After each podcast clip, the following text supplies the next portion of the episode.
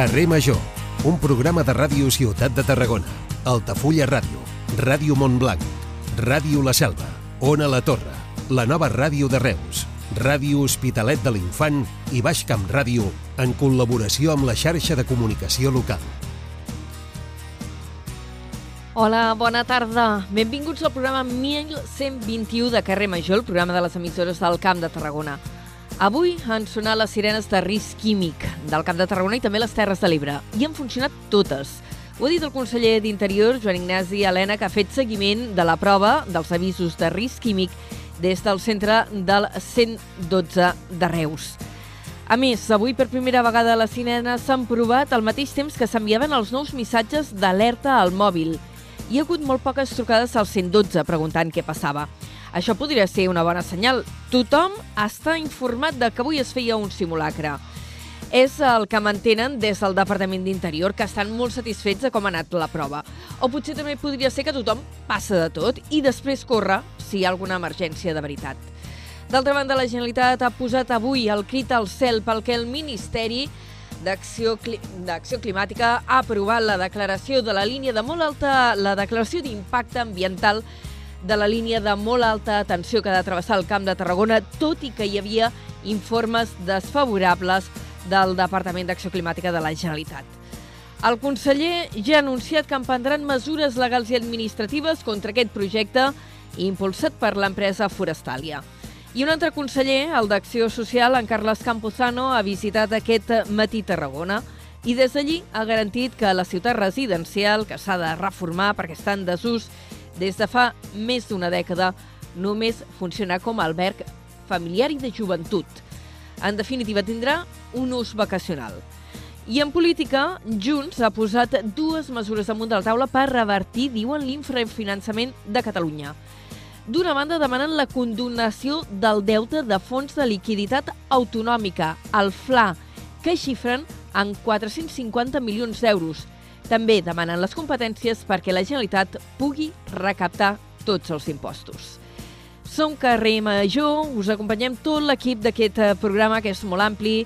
Som l'Iri Rodríguez, el Pau Corbalan, la Gemma Bufies, l'Adrià Requesens, el Miquel Llevaria, el Jonai González, el David Fernández, l'Aleix Pérez, el Iago Moreno, Antoni Mateos i l'Anna Plaça. Benvinguts.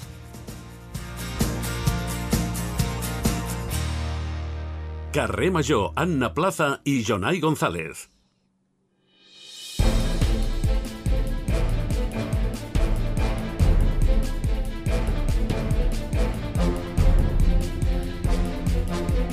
Quatre i set minuts, és moment de repassar en forma de titulars les notícies més destacades del dia al Camp de Tarragona. Jonai González, bona tarda. Molt bona tarda. El Departament d'Interior ha valorat positivament la prova dels sistemes d'avís de risc químic que s'ha fet aquest matí al Camp de Tarragona i a les Terres de l'Ebre. S'han activat les sirenes i també s'han enviat els missatges d'alerta al mòbil. Segons Interior, totes les sirenes han sonat correctament. Torredembarra s'ha vist especialment afectada per l'episodi de pluges d'aquesta nit i matinada i han caigut més de 110 litres en alguns punts. S'han produït petits talls en el subministrament elèctric, s'ha esfondrat el mur exterior d'una casa i s'han inundat els passos soterrats de la via del tren. El govern català emprendrà mesures legals contra la tramitació de la línia de molt alta tensió que ha d'unir l'Aragó amb Catalunya i que travessarà el Camp de Tarragona. El conseller d'Acció Climàtica, David Mascort, ha denunciat que el Ministeri ha aprovat la declaració d'impacte ambiental, tot i informes desfavorables de la Generalitat. El Departament d'Acció Climàtica, Alimentació i Agenda Rural ha iniciat els tràmits administratius per la construcció de dues plantes fotovoltaiques al territori. Una es farà a l'Albiol amb una potència instal·lada de 4,95 megawatts i una altra a Alcover que preveu 2 megawatts. L'operació policial que s'ha desplegat aquest matí contra una trama de falsificació de monedes al Camp de Tarragona s'ha tancat amb 5 detinguts. Mossos i policia espanyola han practicat 6 escorcolls de comissant bitllets falsos de 10 i 20 euros. La ciutat residencial de Tarragona funcionarà únicament com a alberg familiar i de joventut. S'hi ha compromès el conseller d'Acció Social, Carles Campuzano, que avui ha fet una visita institucional a la ciutat. L'Ajuntament de Tarragona, junt amb Global Cruises, estrena una nova ubicació per als creueristes per tal de reduir la saturació de la Peralta. El 30 de setembre començarà aquesta iniciativa amb l'arribada d'unes 3.000 persones. Laura Roger ha sigut reelegida presidenta de la Cambra de Comerç de Tarragona per unanimitat. Ocuparà el càrrec durant 4 anys més, fins al 2027. En la pressa de possessió del càrrec ha anunciat la inauguració d'un nou centre de formació equipat amb les tecnologies més avançades. En el programa d'actes de Santa Tecla d'avui destaca la representació del retaule aquest vespre a la catedral. Aquesta tarda també hi haurà el correfoc petit i a la nit una carretillada especial per als 40 anys de la recuperació del Vall de Diables. Gràcies, Jona, i fins després d'aquí mitja hora. Fins després.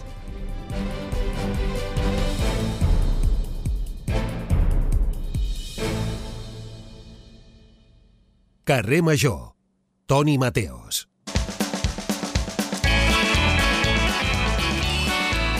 Sis i 10 minuts i saludem el relleu, Antoni Mateos, que agafa les regnes del programa a partir de les 5 de la tarda. Toni, que mat... Mm, bona tarda, bona tarda. Estic tan accelerada. Es nota que estic accelerada, oi? Estàs accelerada, no has rebut l'avís d'emergències? Vaig com una moto. Mira, he sentit les alarmes i no m'ha sonat Sí? el mòbil. T'ha sonat el mòbil?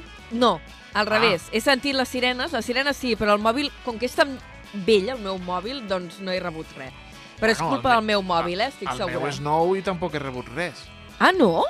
No, no. Haurem no, d'anar a parlar amb el conseller. no. Conseller, què passa? Què? Què passa? A mi no em sona el mòbil. Però les, aren- les sirenes molt bé, eh? També t'he de dir que quan he entrat a fer el cafè al bar, eh, abans d'anar a agafar el tren, a, a dintre el bar no se sentia. Bé, Però des de bé. casa meva, molt bé. Al bar suposo que amb el soroll de la màquina de cafè, la Ah, màquina aquí està. escurabutxaques... Hi havia, hi, ha, hi havia molt de renov, el sí. Barça que va guanyar i 5 a 0, a l'Atlètic que li van empatar al minut 95, som uns en desgraciats. control, nen. Veus, mira, aquesta vegada no estic gens pendent del futbol. Com Doncs s'enrotllem. mira, Toni a Mateus, què hora- fareu?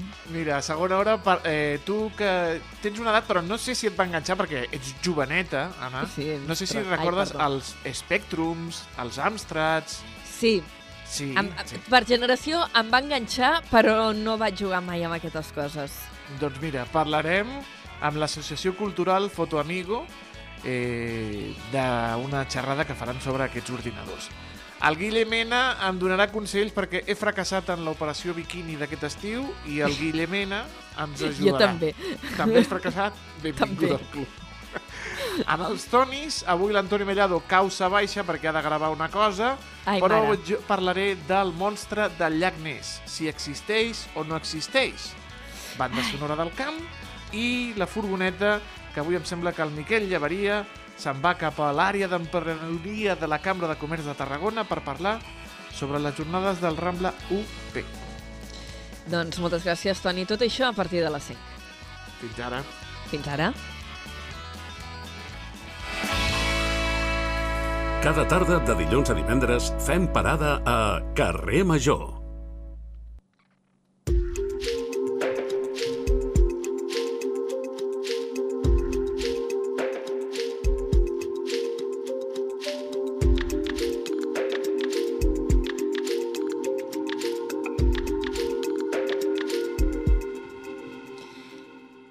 Quatre i 12 minuts, seguim endavant en directe a Carrer Major. Tot just fa uns dies es va presentar a les cotxeres de Sants, a Barcelona, un estudi que analitza l'impacte de turisme de masses en vuit ciutats europees. I els resultats no són gaire falagadors.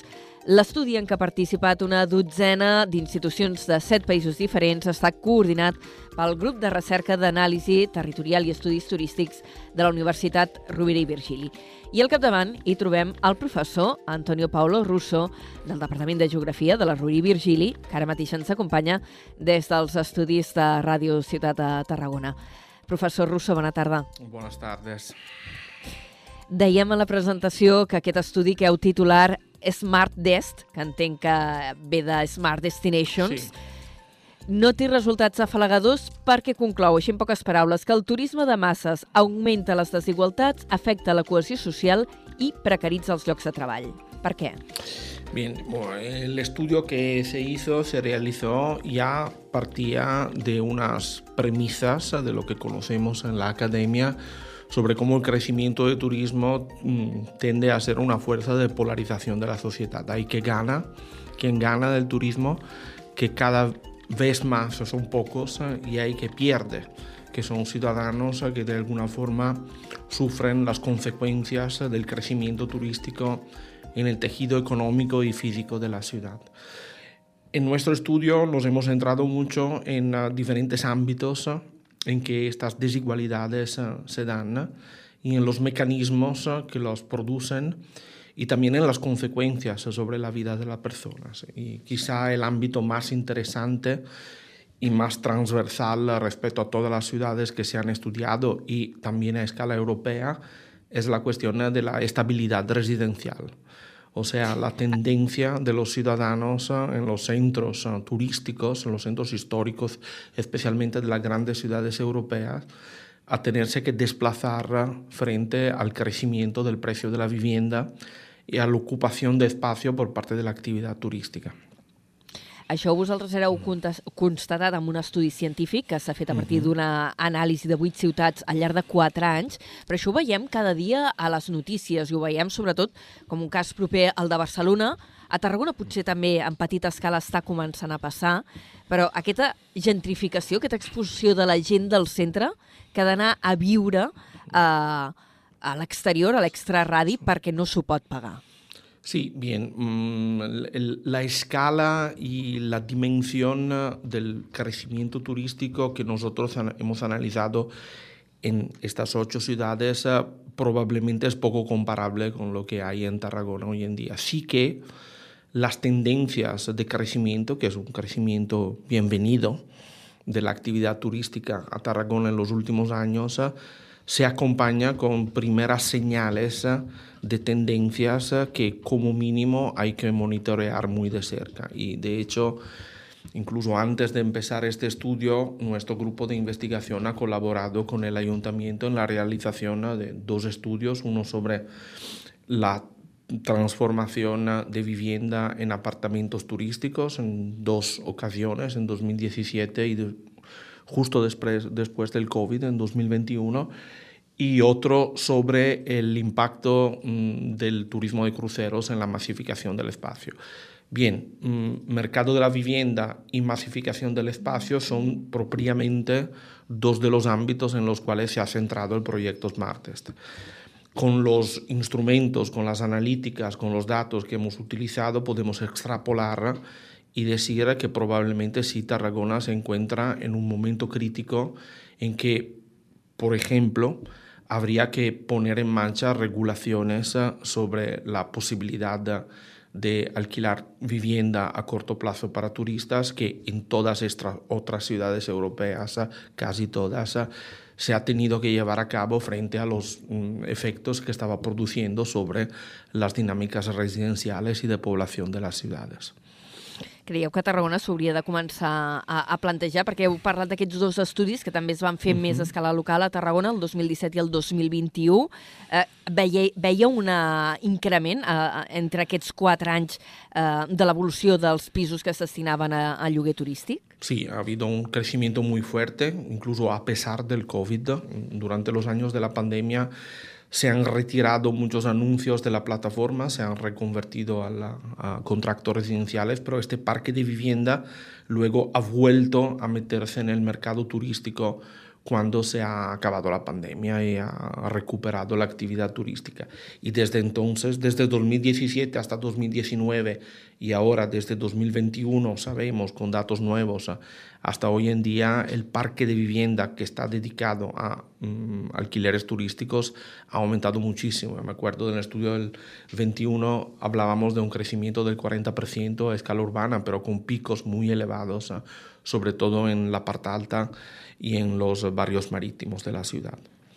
Sí, concentrat en aquestes dues zones mm. que una mm. mica eh, són uns resultats que suposo que mm, refermen ja la intuïció que podries tenir de partida, ¿no? com a llocs més atractius de la ciutat. Sí, sí. y el, la capacidad también que ha tenido Tarragona, que es un aspecto seguramente positivo, de promocionarse como destino turístico autónomo independiente de las zonas de costa de la Costa Dorada. O sea, Tarragona ha tenido cierto éxito eh, lo ha hecho bien, yo creo. Desde este punto de vista, claro, a este crecimiento se habría de acompañar una planificación turística, por ejemplo, del sector del alojamiento, que permitiera absorber esta demanda sin efectos notables sobre la población local en términos de desventajas, eh, de, de costes asumidos. Claramente, luego hay beneficios eh, que se reparten en la ciudad, pero hay que poner en la balanza costes y beneficios. Pues lo que se observa, por ejemplo, en la parte alta es que es la área de la ciudad donde los precios de la vivienda han subido más en los últimos 10 años en condiciones uh, desfavorables, en el sentido que la calidad de, la vivienda en esta área no es la que tienen otras partes de la ciudad, por lo cual este crecimiento de los precios se debe casi exclusivamente a una demanda de nuevos propietarios que muchas veces uh, compran pisos para volver a ponerlos en el mercado como apartamentos de lloguer turístico. Uh -huh.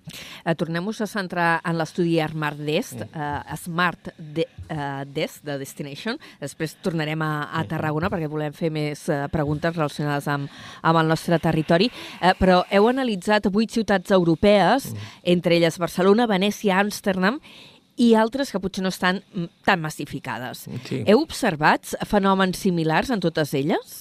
Bien, primero de todo hay que decir que este hecho de haber trabajado con ocho ciudades nos ha permitido de enfocarnos en cada ciudad en cuestiones diferentes. Hemos reconstruido como un caleidoscopio muy amplio de cuestiones relacionadas con inclusión y exclusión social que tienen diferentes raíces, diferentes matices también, diferentes protagonistas, diferentes regímenes políticos y tecnológicos que han permitido ciertos desarrollos.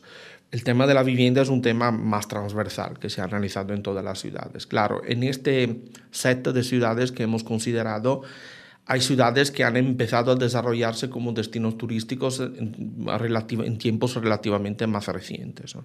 Por ejemplo, el caso de Ljubljana, en Eslovenia, la capital de Eslovenia, el caso de Jerusalén es uno de estos, el caso de Turín en Italia. Claro, eh, la, el, el, el ritmo del crecimiento en todas estas ciudades es muy parecido.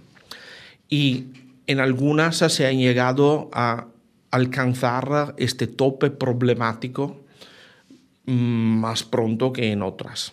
Venecia, por ejemplo, que es mi ciudad también, es un caso muy conocido de este tipo de cuestiones desde décadas. Claro, hoy ha llegado a un punto donde casi parece que no hay marcha atrás. Barcelona ha empezado a considerar este si tipo de problemas hace 10 años. Uh, sí. Professor, li deia de Venècia, que ara, que ara comentava, mm -hmm. no? que fa anys sí. Venècia no suposava un toc d'alerta? No ho haurien d'haver sí. vist a venir una mica a les altres ciutats, allò de mireu què està passant a Venècia que no ens passi el mateix? Sí, definitivamente yo lo, lo abordo exactamente con estas palabras en cuando hago clases de Destination Management. Son casos icónicos a nivel mundial. En este caso se trata de una típica pequeña ciudad de patrimonio que debería de haber hecho escuela. De hecho, lo ha hecho en la academia, pero no en la política, no en los modelos de planificación. Y cuando se llega al nivel de Venecia, ya es demasiado tarde para volver atrás. De hecho, una de las grandes cuestiones también relacionada con la, con la cuestión de la ciudad de Venecia y también la de Barcelona es cómo es posible que si se sabe dónde va la cosa desde tanto tiempo, no se ha podido cambiar de rumbo, no se ha podido abrazar una política alternativa al crecimiento del turismo. Y el problema exactamente es que es muy difícil desde el nivel local poder controlar el crecimiento. Alcanzado un determinado punto de inflexión, lo que puede hacer la política local, las decisiones que toman los alcaldes, eh, no dan abasto para frenar un fenómeno que es global. Nosotros hablamos de forma muy simplificada de poner puertas al campo a veces, pero esto no pasa así.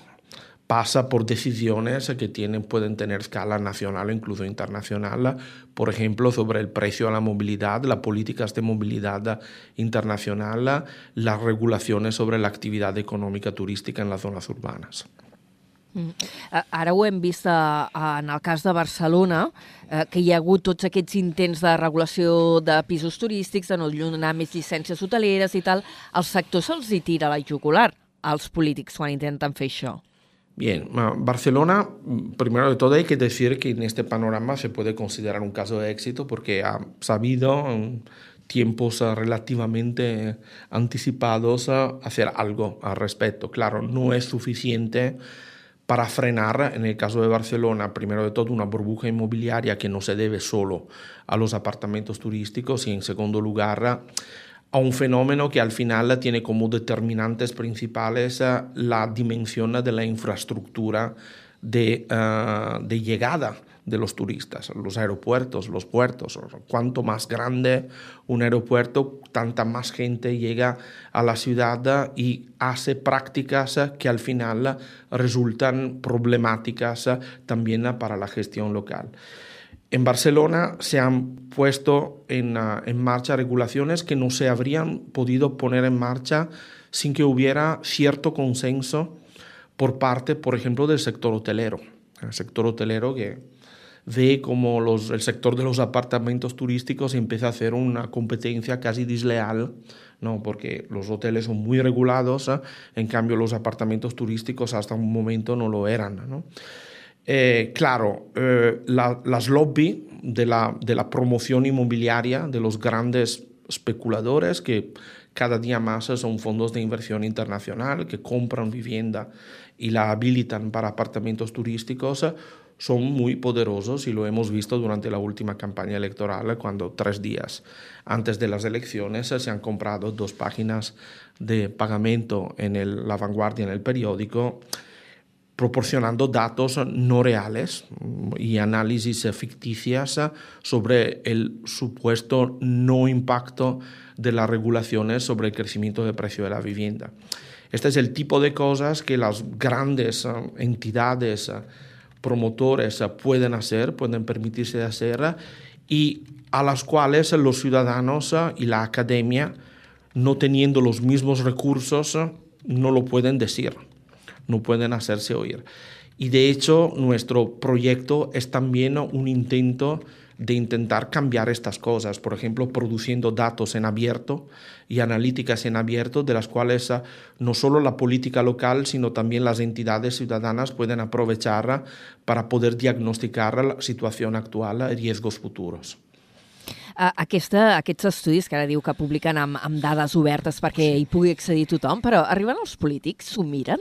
¿Le fan Dependiendo de las ciudades, eh, algunos sí y otros no. Cuando nosotros empezamos eh, nuestro estudio y elegimos Barcelona como uno de los casos de estudio, había un acuerdo con eh, el ayuntamiento a la base que habrían aprovechado nuestros resultados y han, siempre han sido presentes durante todo el curso del desarrollo del proyecto, incluso ahora con un cambio de gobierno, pero recientemente en estas últimas jornadas de difusión que hemos hecho hemos podido comprobarla que existe todavía un interés por parte de la, del ayuntamiento de aprovechar estos datos. Hay otras ciudades de, nuestro, de nuestra muestra donde esto ha sido imposible porque no hay comunicación entre la comunidad académica más crítica ¿no? que produce datos y quien de, debería de usar estos datos para orientar políticas.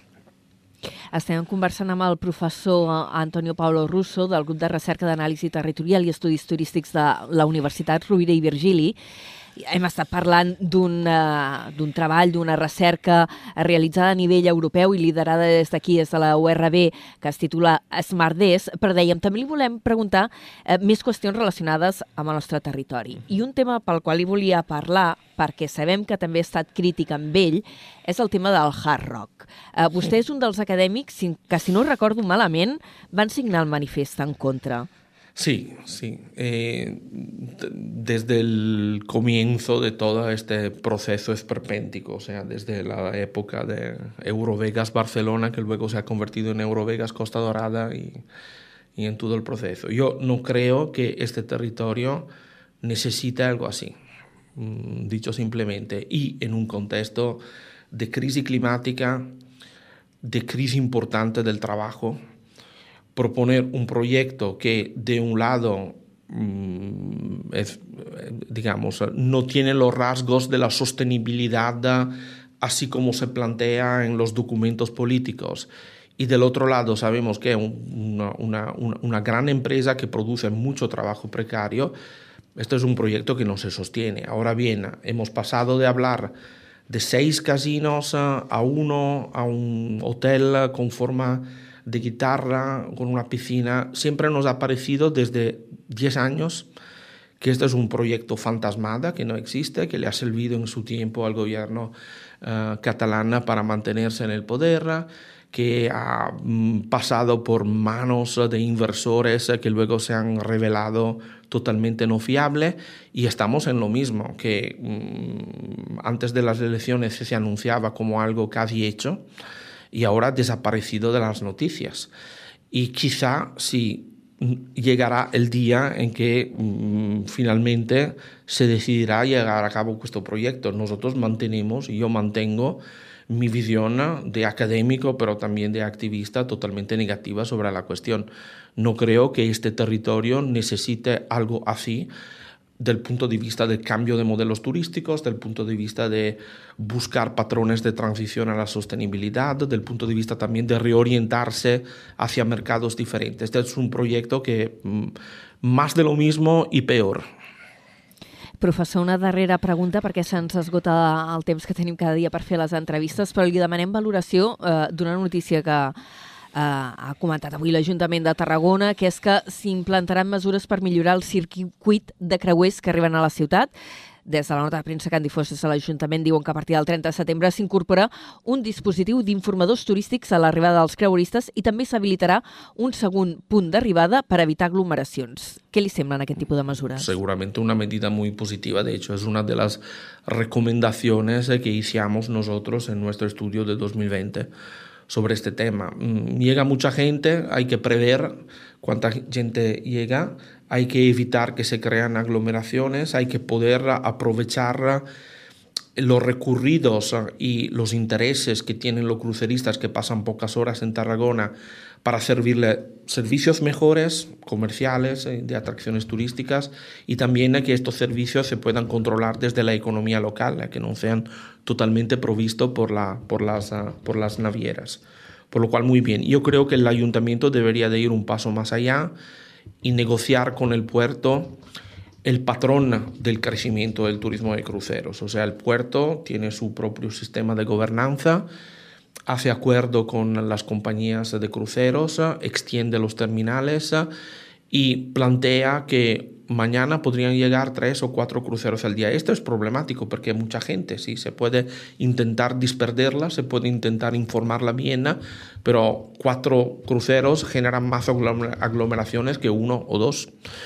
Y este tipo de acuerdos entre ciudades y puertos, incluso cuando los puertos salen fuera, digamos, de los que son las competencias de una administración local, se han llevado a cabo con éxito en otras ciudades del Mediterráneo que estaban teniendo los mismos problemas. Menciono aquí Palma de Mallorca o Dubrovnik. Uh, y el puerto sabemos que es sensible a estos argumentos. Por lo cual, plantear que cada crucero más que venga a Tarragona de por sí es positivo, cuando sabemos que es el segmento de actividad turística que precisamente genera menos beneficios para la ciudad y más problemas, es una, un poco ingenuo. Y habría que ir a eh, hacer este paso más y negociar condiciones de desarrollo junto a la autoridad del puerto. Doncs moltes gràcies al professor Antonio Paulo Russo també per aquesta valoració de l'actualitat d'última hora d'una notícia que hem sabut avui en relació amb la gestió dels creuers. Ell és eh, professor del Departament de Geografia de la URB especialitzat en turisme i hem parlat amb ell eh, dels models de saturació turística que han analitzat a nivell d'Europa a través de l'estudi Smart Dest. Professor Russo, moltíssimes gràcies. Moltes gràcies a vosaltres. Fins ara, adeu-siau. I ara anirem a la secció d'anàlisi. Avui hem convidat, no per parlar de turisme, sinó per parlar de qüestions relacionades bàsicament amb política, amb una de les persones, amb un dels periodistes d'aquí del nostre territori, que, enreda, que enredarem de tant en tant per analitzar uh, l'actualitat política. Uh, ja el coneixereu si sou seguidors fidels del programa, perquè l'hem convidat en moltes ocasions a fer tertúlia. Ell és el Jordi Salvat, és el responsable de l'edició del Camp de Tarragona del diari Ara. A banda té altres projectes com el diari local Torre d'Embarra Actualitat. I amb ell volem parlar de política eh, perquè aquests dies estan passant coses bastant destacades. Com que ahir, per primera vegada, es va poder parlar en català basc i gallec al Congrés dels Diputats sense que ningú et fes fora de la tribuna, amb total tranquil·litat, i també hem tornat a posar sobre la taula, o sembla que s'han tornat a posar sobre la taula, qüestions de diners. Jordi Salvat, bona tarda i gràcies per ser aquí. Bona tarda, bona tarda, Anna. Ostres, mira, d'una banda és allò de fent passos endavant i de l'altra aquests dies he tingut sensació de dia de la marmota. T'ha passat el mateix? Bueno, a veure, és, és, és l'aritmètica parlamentària, una cosa que fa sis mesos semblava impossible, doncs ara és possible que és parlar, parlar català al Congrés, eh, que, bueno, en un país plurinacional i plurilingüístic com, com l'estat espanyol no hauria de ser una cosa tan estranya. Però, però bé, això s'ha aconseguit bàsicament perquè hi ha hagut uns, uns números que són que, que, el, que el PSOE depèn de, de Junts per formar govern. I aquesta era una de les condicions que li posava, que li posava Junts i el PSOE passa a parlar-ho.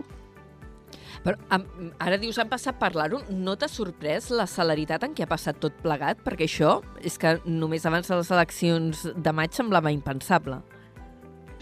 Sí, però en política les coses a vegades s'acceleren, excepte Europa. Eh? Europa ja, ja ho tractarem, és una altra història. Però, però aquí a l'estat espanyol les coses de cop s'acceleren i coses que semblaven impossibles... A veure, jo era dels que em tocava, anar, que em va tocar anar a fer la, la mili, tot i que no vaig fer la prestació substitutòria. Però l'any 96 amb els acords dels Magèstics, un Magèstic, un dels punts era aquest, de la supressió del, del servei militar obligatori. I una cosa que era mm, que cada jove eh, de 21 anys havia de fer la mili o la presència social substitutòria, va desaparèixer. I era una cosa que era mm, que semblava quasi que sagrada i va desaparèixer d'un dia per l'altre, pràcticament. Vull dir que sí, sí, en política hi ha coses que semblen impossibles i de cop són possibles. És la política, la, la, la màgia de la política, de, de l'aritmètica parlamentària. Has esmentat el pacte del Majestic i jo et volia preguntar altres coses, però anem per aquí. Perquè eh, demà hi ha ple, per exemple, a Torre d'Embarra i el PP ha presentat una moció en contra de l'amnistia. I avui mateix hem sentit els socialistes recordant que el pacte del Majestic es va amnistiar gent de terra lliure. Si no, re... Mira, si no, no, no ho recordava, però pels, pels, pels Ho he anys vist amb algun ser, titular de l'agència. Terra Lliure va estar activa això a finals dels 80, diria que a principis dels 90, que hi va haver aquella, llavors ja l'MT i companyia van desembarcar alguns ja dintre d'Esquerra Republicana, que me'n recordo que ens Carot Rovira, fins i tot aquest grup, van ser els que van fer, entre cometes, com de mediadors, clar, el 96, i era un moment en què sí que podia haver aquesta amnistia. Per tant, també, doncs, eh, és que és això, i tot, en, en política, eh, és el que diem, coses que semblen impossibles, de cop es tornen, es tornen possibles. I, clar, amnistiar, clar, Terra Lliure va ser aquest, aquest, aquest moviment, li podem dir terrorista, o almenys ho intentava ser, terrorista català, tot i que no, no, no amb massa sort, i, i això, i va, i va, i va sí, el que diem, si l'any 96 hi va haver, hi va haver d'això, hi va haver, doncs, això, mm, amnistia per aquests eh, terroristes que per l'estat espanyol eren terribles. Sí, sí. I tenim molt poquet temps, Jordi, però hi ha una altra qüestió. Aquesta setmana s'ha tornat a posar sobre la taula el tema dels diners. D'una banda, deute fiscal i de l'altra, el fons de liquidació autonòmica, que ara feia temps que, tot i que continuava damunt de la taula, però havia quedat com en segon terme, no? davant de la reivindicació més directament independentista, aquesta qüestió de diners potser havia quedat més de fons. Sí, però els diners sempre són importants i més pel finançament autonòmic. Vull dir que Catalunya, amb el dèficit fiscal que té i en tots els diners que marxen cap a Madrid i no tornen, clar, eh, per cobrir tots els serveis. A més, clar, la Generalitat eh, té transferides doncs, moltes competències que altres comunitats no tenen. Per exemple, presons, que diria que només la té des de fa poc a Euskadi, però Catalunya fa molts anys que té les presons. Mantenir, eh, no sé quantes presons hi ha a Catalunya, però segur que n'hi ha sis o set segures, això val, val molts diners. El sistema sanitari val molts diners. Tot el tema social val molts diners. I clar, eh, hi ha dues opcions, o, o aplicar més impostos o intentar que transfereixin impostos que ara van cap a, cap a Madrid, que vinguin directament cap a les arques de la Generalitat. Però el que està clar és que aquí a Catalunya eh, és on, on més, on més se recapta, o no, no més, més recapta, més impostos hi ha, hi ha molta càrrega fiscal, però és que no n'hi ha prou tampoc per, per tindre uns serveis públics de, de qualitat. Mm, perquè, clar, què passa? Doncs que des de Catalunya hem de, ja fa més de 40 anys que el que fem és ajudar, entre cometes, aquestes autonomies que soles no poden i que jo crec que s'han acostumat. Eh, és, és aquell amic que tens, que, que, que t'acostumes que et convidi quan surts i ja penses que és per tota la vida, que l'amic aquest sempre et convidarà. Home, igual mm, espavila't també. Paga't algun cop també a vegades el teu. Aquesta seria una mica la, la filosofia que hauríem d'aplicar. Però aquest sistema autonòmic que tenim és això. Hi ha, hi ha, hi ha autonomies que s'han acostumat a, a això, doncs, a, a, a viure d'altres autonomies que, doncs, que ingressen més diners perquè tenen doncs, un dinamisme econòmic més gran i s'han acostumat a això, a subsistir amb, aquests, amb aquestes ajudes. Sí, sí. Jordi Salvat, eh, no ens queda temps perquè tenim un informatiu per fer. Eh, T'agraïm moltíssim i et trucarem altres dies eh, per parlar de política, ens encanta. Sí, s'ha fet molt curt, això, eh? Curtíssim, ja t'ho vaig dir, 5 minuts. Pim-pam, un dia molt farem tertúlia. Vinga, una abraçada. Fins Vinga, ara, adéu-siau. Adéu, adéu-siau.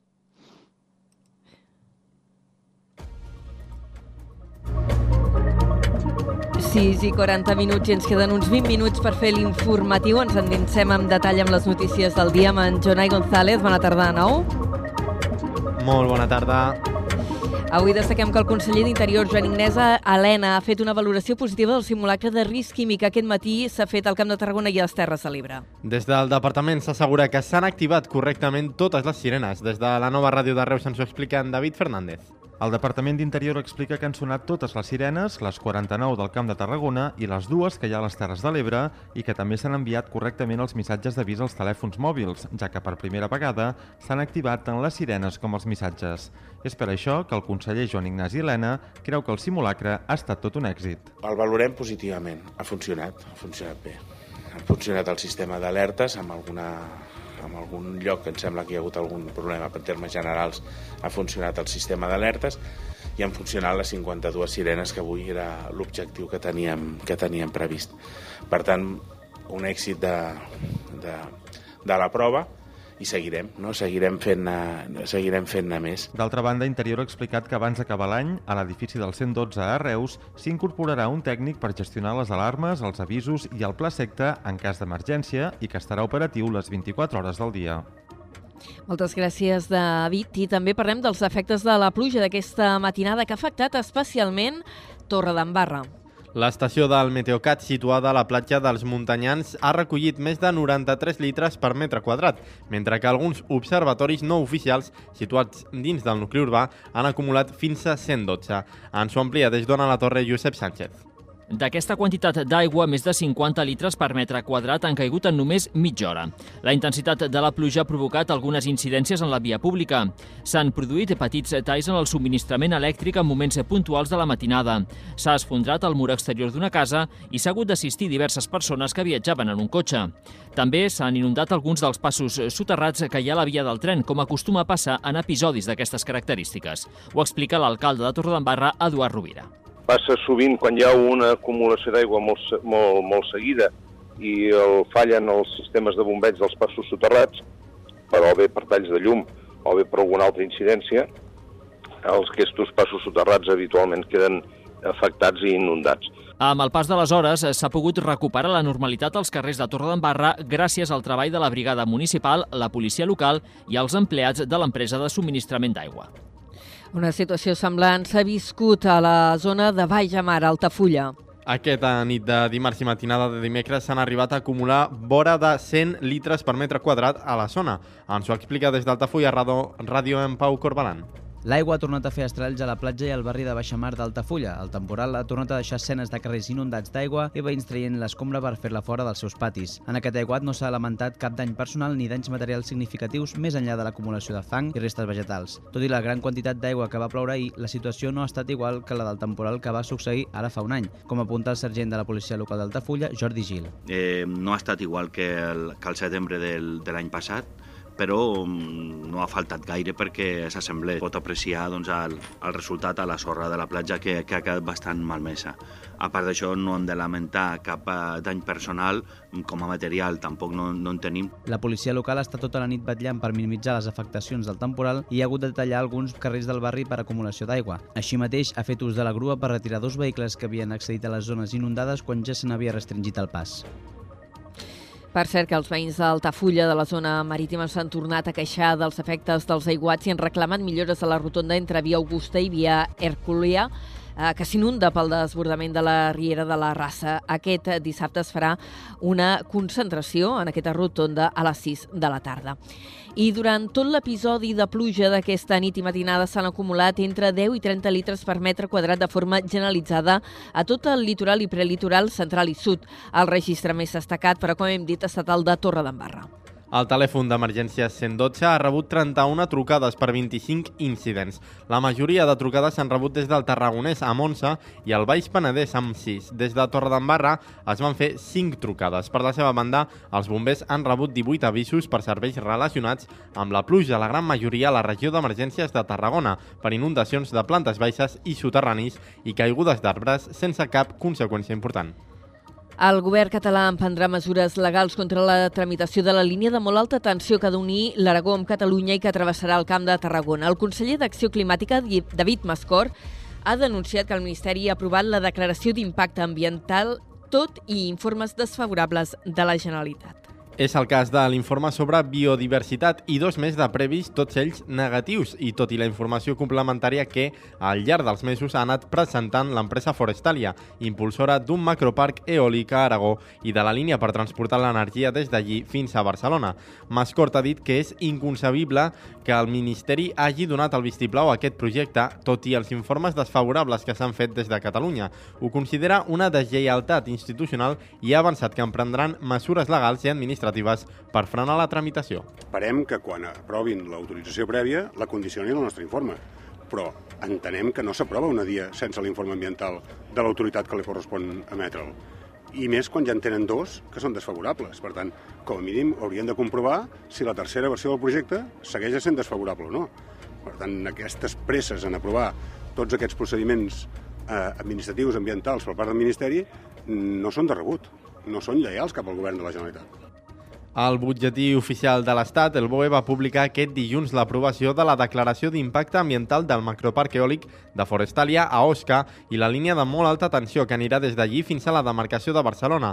El seu traçat afectarà diversos municipis de la Conca de Barberà, l'Alt Camp i el Penedès. A més d'aquesta línia, que anirà de Granyent a Hostalets de Pierola, el govern espanyol està tramitant el projecte de dues més de característiques similars i el Departament d'Acció Climàtica, Alimentació i Agenda Rural ha iniciat els tràmits administratius per construir dues noves plantes fotovoltaiques a l'Alcamp. Una a l'Albiol amb una potència instal·lada de 4,5 megawatts i una altra al Cuber que preveu 2 megawatts. A l'Albiol, l'empresa Parsosi Les Lomes preveu instal·lar més de 11.500 panells solars i comptarà també amb una línia d'evacuació soterrada de doble circuit que connectarà la línia aèria existent i tindria un pressupost de prop de 2 milions d'euros. D'altra banda, el projecte d'Alcubé serà per l'empresa Energia, Innovació i Desarrollo Fotovoltaico i preveu construir uns 4.300 panells solars amb una inversió total de 826.300 euros i en fem balanç d'un operatiu policial contra una trama de falsificació de monedes a Salou, Cambrils i Reus, que ha acabat amb cinc persones detingudes. La policia ha efectuat un total de sis escorcolls aquesta matinada. Ens ho amplien des de la nova ràdio de Reus, en David Fernández. A les 6 de la matinada d'aquest dimecres començava una operació conjunta entre els Mossos d'Esquadra, la policia espanyola i l'Europol contra un grup criminal que es dedicava a falsificar monedes en diferents municipis del Camp de Tarragona. S'han fet sis escorcolls, quatre d'ells són a Salou, una a Cambrils i l'altra a Reus. S'han detingut cinc persones i s'han decomissat bitllets falsos de 10 i 20 euros, a més d'altres efectes relacionats amb la investigació, tal com explica la policia.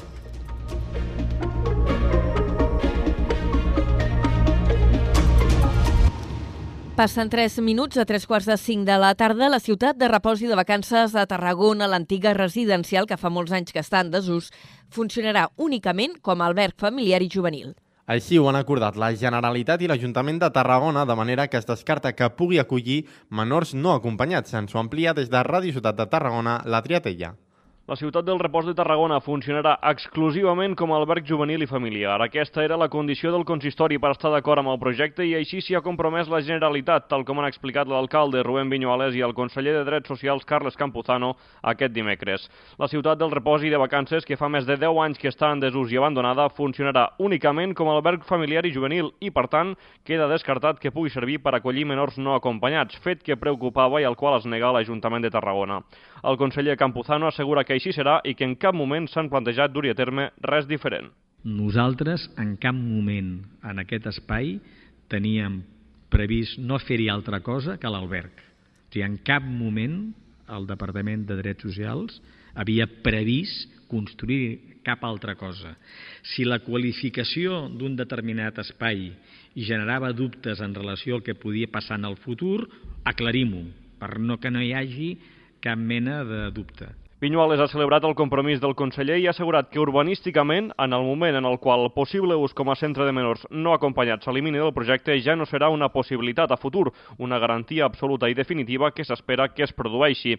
Està previst que el projecte s'engegui aviat, ja que era un assumpte força urgent. El pressupost és de 15 milions d'euros i estarà finançat per fons europeus Next Generation, que tenen data límit. Les administracions han assegurat que serà un alberg molt potent, modern i sostenible.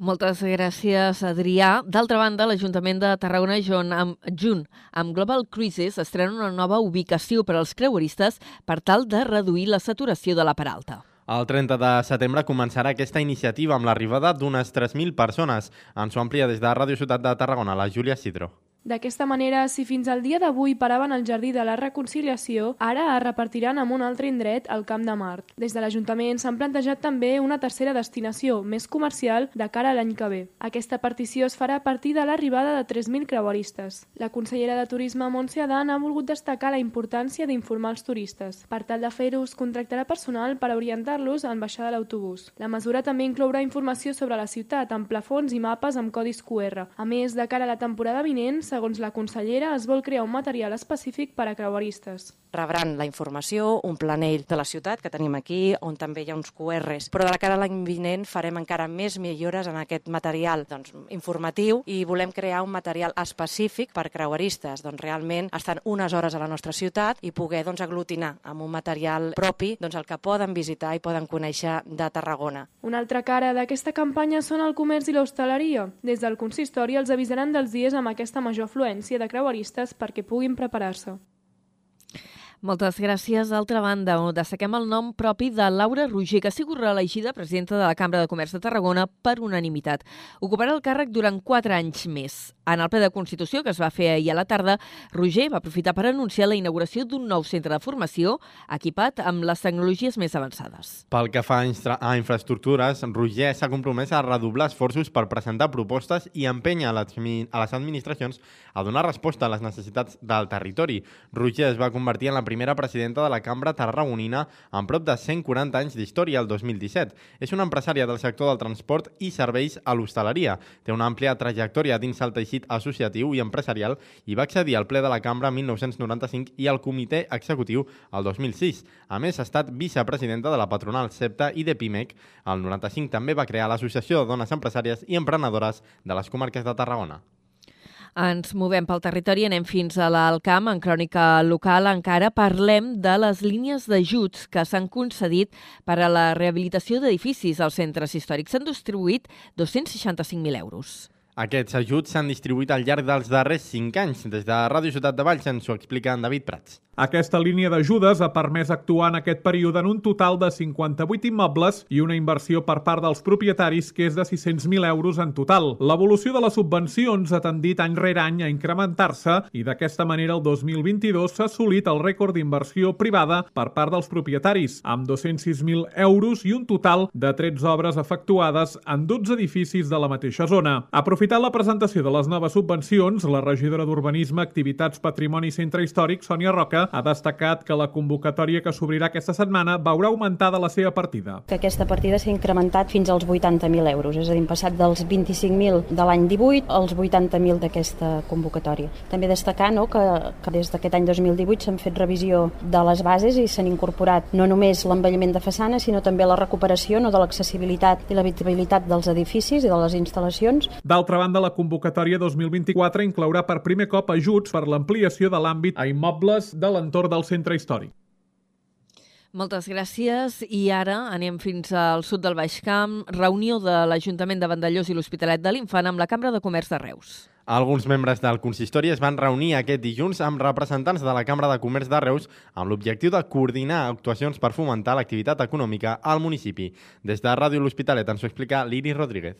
L'alcaldessa Assumpció Castellví, la regidora de Comerç Sílvia Pujol i el gerent d'IDETSA Joan Ramon Benages es van reunir el dilluns 18 de setembre amb dos representants de la Cambra de Comerç de Reus per definir i coordinar actuacions per fomentar l'activitat econòmica al municipi en els sectors industrials i comercials. Jaume Llosas és el director gerent de la Cambra de Comerç de Reus. L'Ajuntament de, de l'Hospitalet i, i Vandellós és eh, un, un, un ajuntament important per al nostre territori i d'aquí que la Cambra de Comerç de Reus vinguem per definir i coordinar aquest tipus d'actuacions que des d'un punt estratègic i operatiu hem de dur a terme eh, en aquest proper mandat i en aquests quatre anys que ens vindran ara per endavant. El proper 26 d'octubre es constituirà el nou plenari de la Cambra de Comerç de Reus en què seran representades les 33 empreses dels diversos grups empresarials i l'elecció del comitè executiu i la persona que ostentarà la presidència. Anem a parlar d'esports de les seleccions d'Espanya i de Suïssa de futbol platja on juguen els torrencs José Arias i Elit Munut que han començat amb bon peu la seva participació en la superfinal de la Eurobeach Soccer que s'està disputant a l'Alguer, a Sardenya. Els dos combinats nacionals van guanyar el seu partit de la primera jornada de la fase de grups. A Espanya es va imposar la selecció d'Alemanya per 6 a 1. José Arias va aconseguir el darrer gol del partit ja al tercer temps. Per la seva banda, Suïssa, amb Eliot Munut a la porteria, va guanyar per 3 a 8 a Romania en un partit on el porter de Torredembarra també va marcar un gol. No va tenir tanta sort Llorenç Gómez, eh, seleccionador de Dinamarca. Els danesos van caure golejats en la seva estrena contra Portugal per 4 a 10. I en patinatge, el també torrenco Ot Font ja ha debutat al Campionat del Món de Patinatge Artístic que s'està disputant aquesta setmana a Colòmbia. El representant del Club Patinatge Torre d'Embarra ocupa provisionalment la tercera posició en la categoria júnior individual. En la prova de Style Dance disputada aquesta passada matinada, Font només s'ha vist superat pel colombià Yeshua Folleco amb 59 punts i el portuguès Diogo Costa amb 57 amb 30. Font ha aconseguit una puntuació de 52 amb 88 com a, representació, com a representant de la selecció espanyola. Així doncs, de moment, Font pujaria al podi del Mundial a l'espera de la disputa de la prova lliure. A més, cal recordar que també competirà en la categoria de parelles juntament amb la torrenca Lídia Alomà.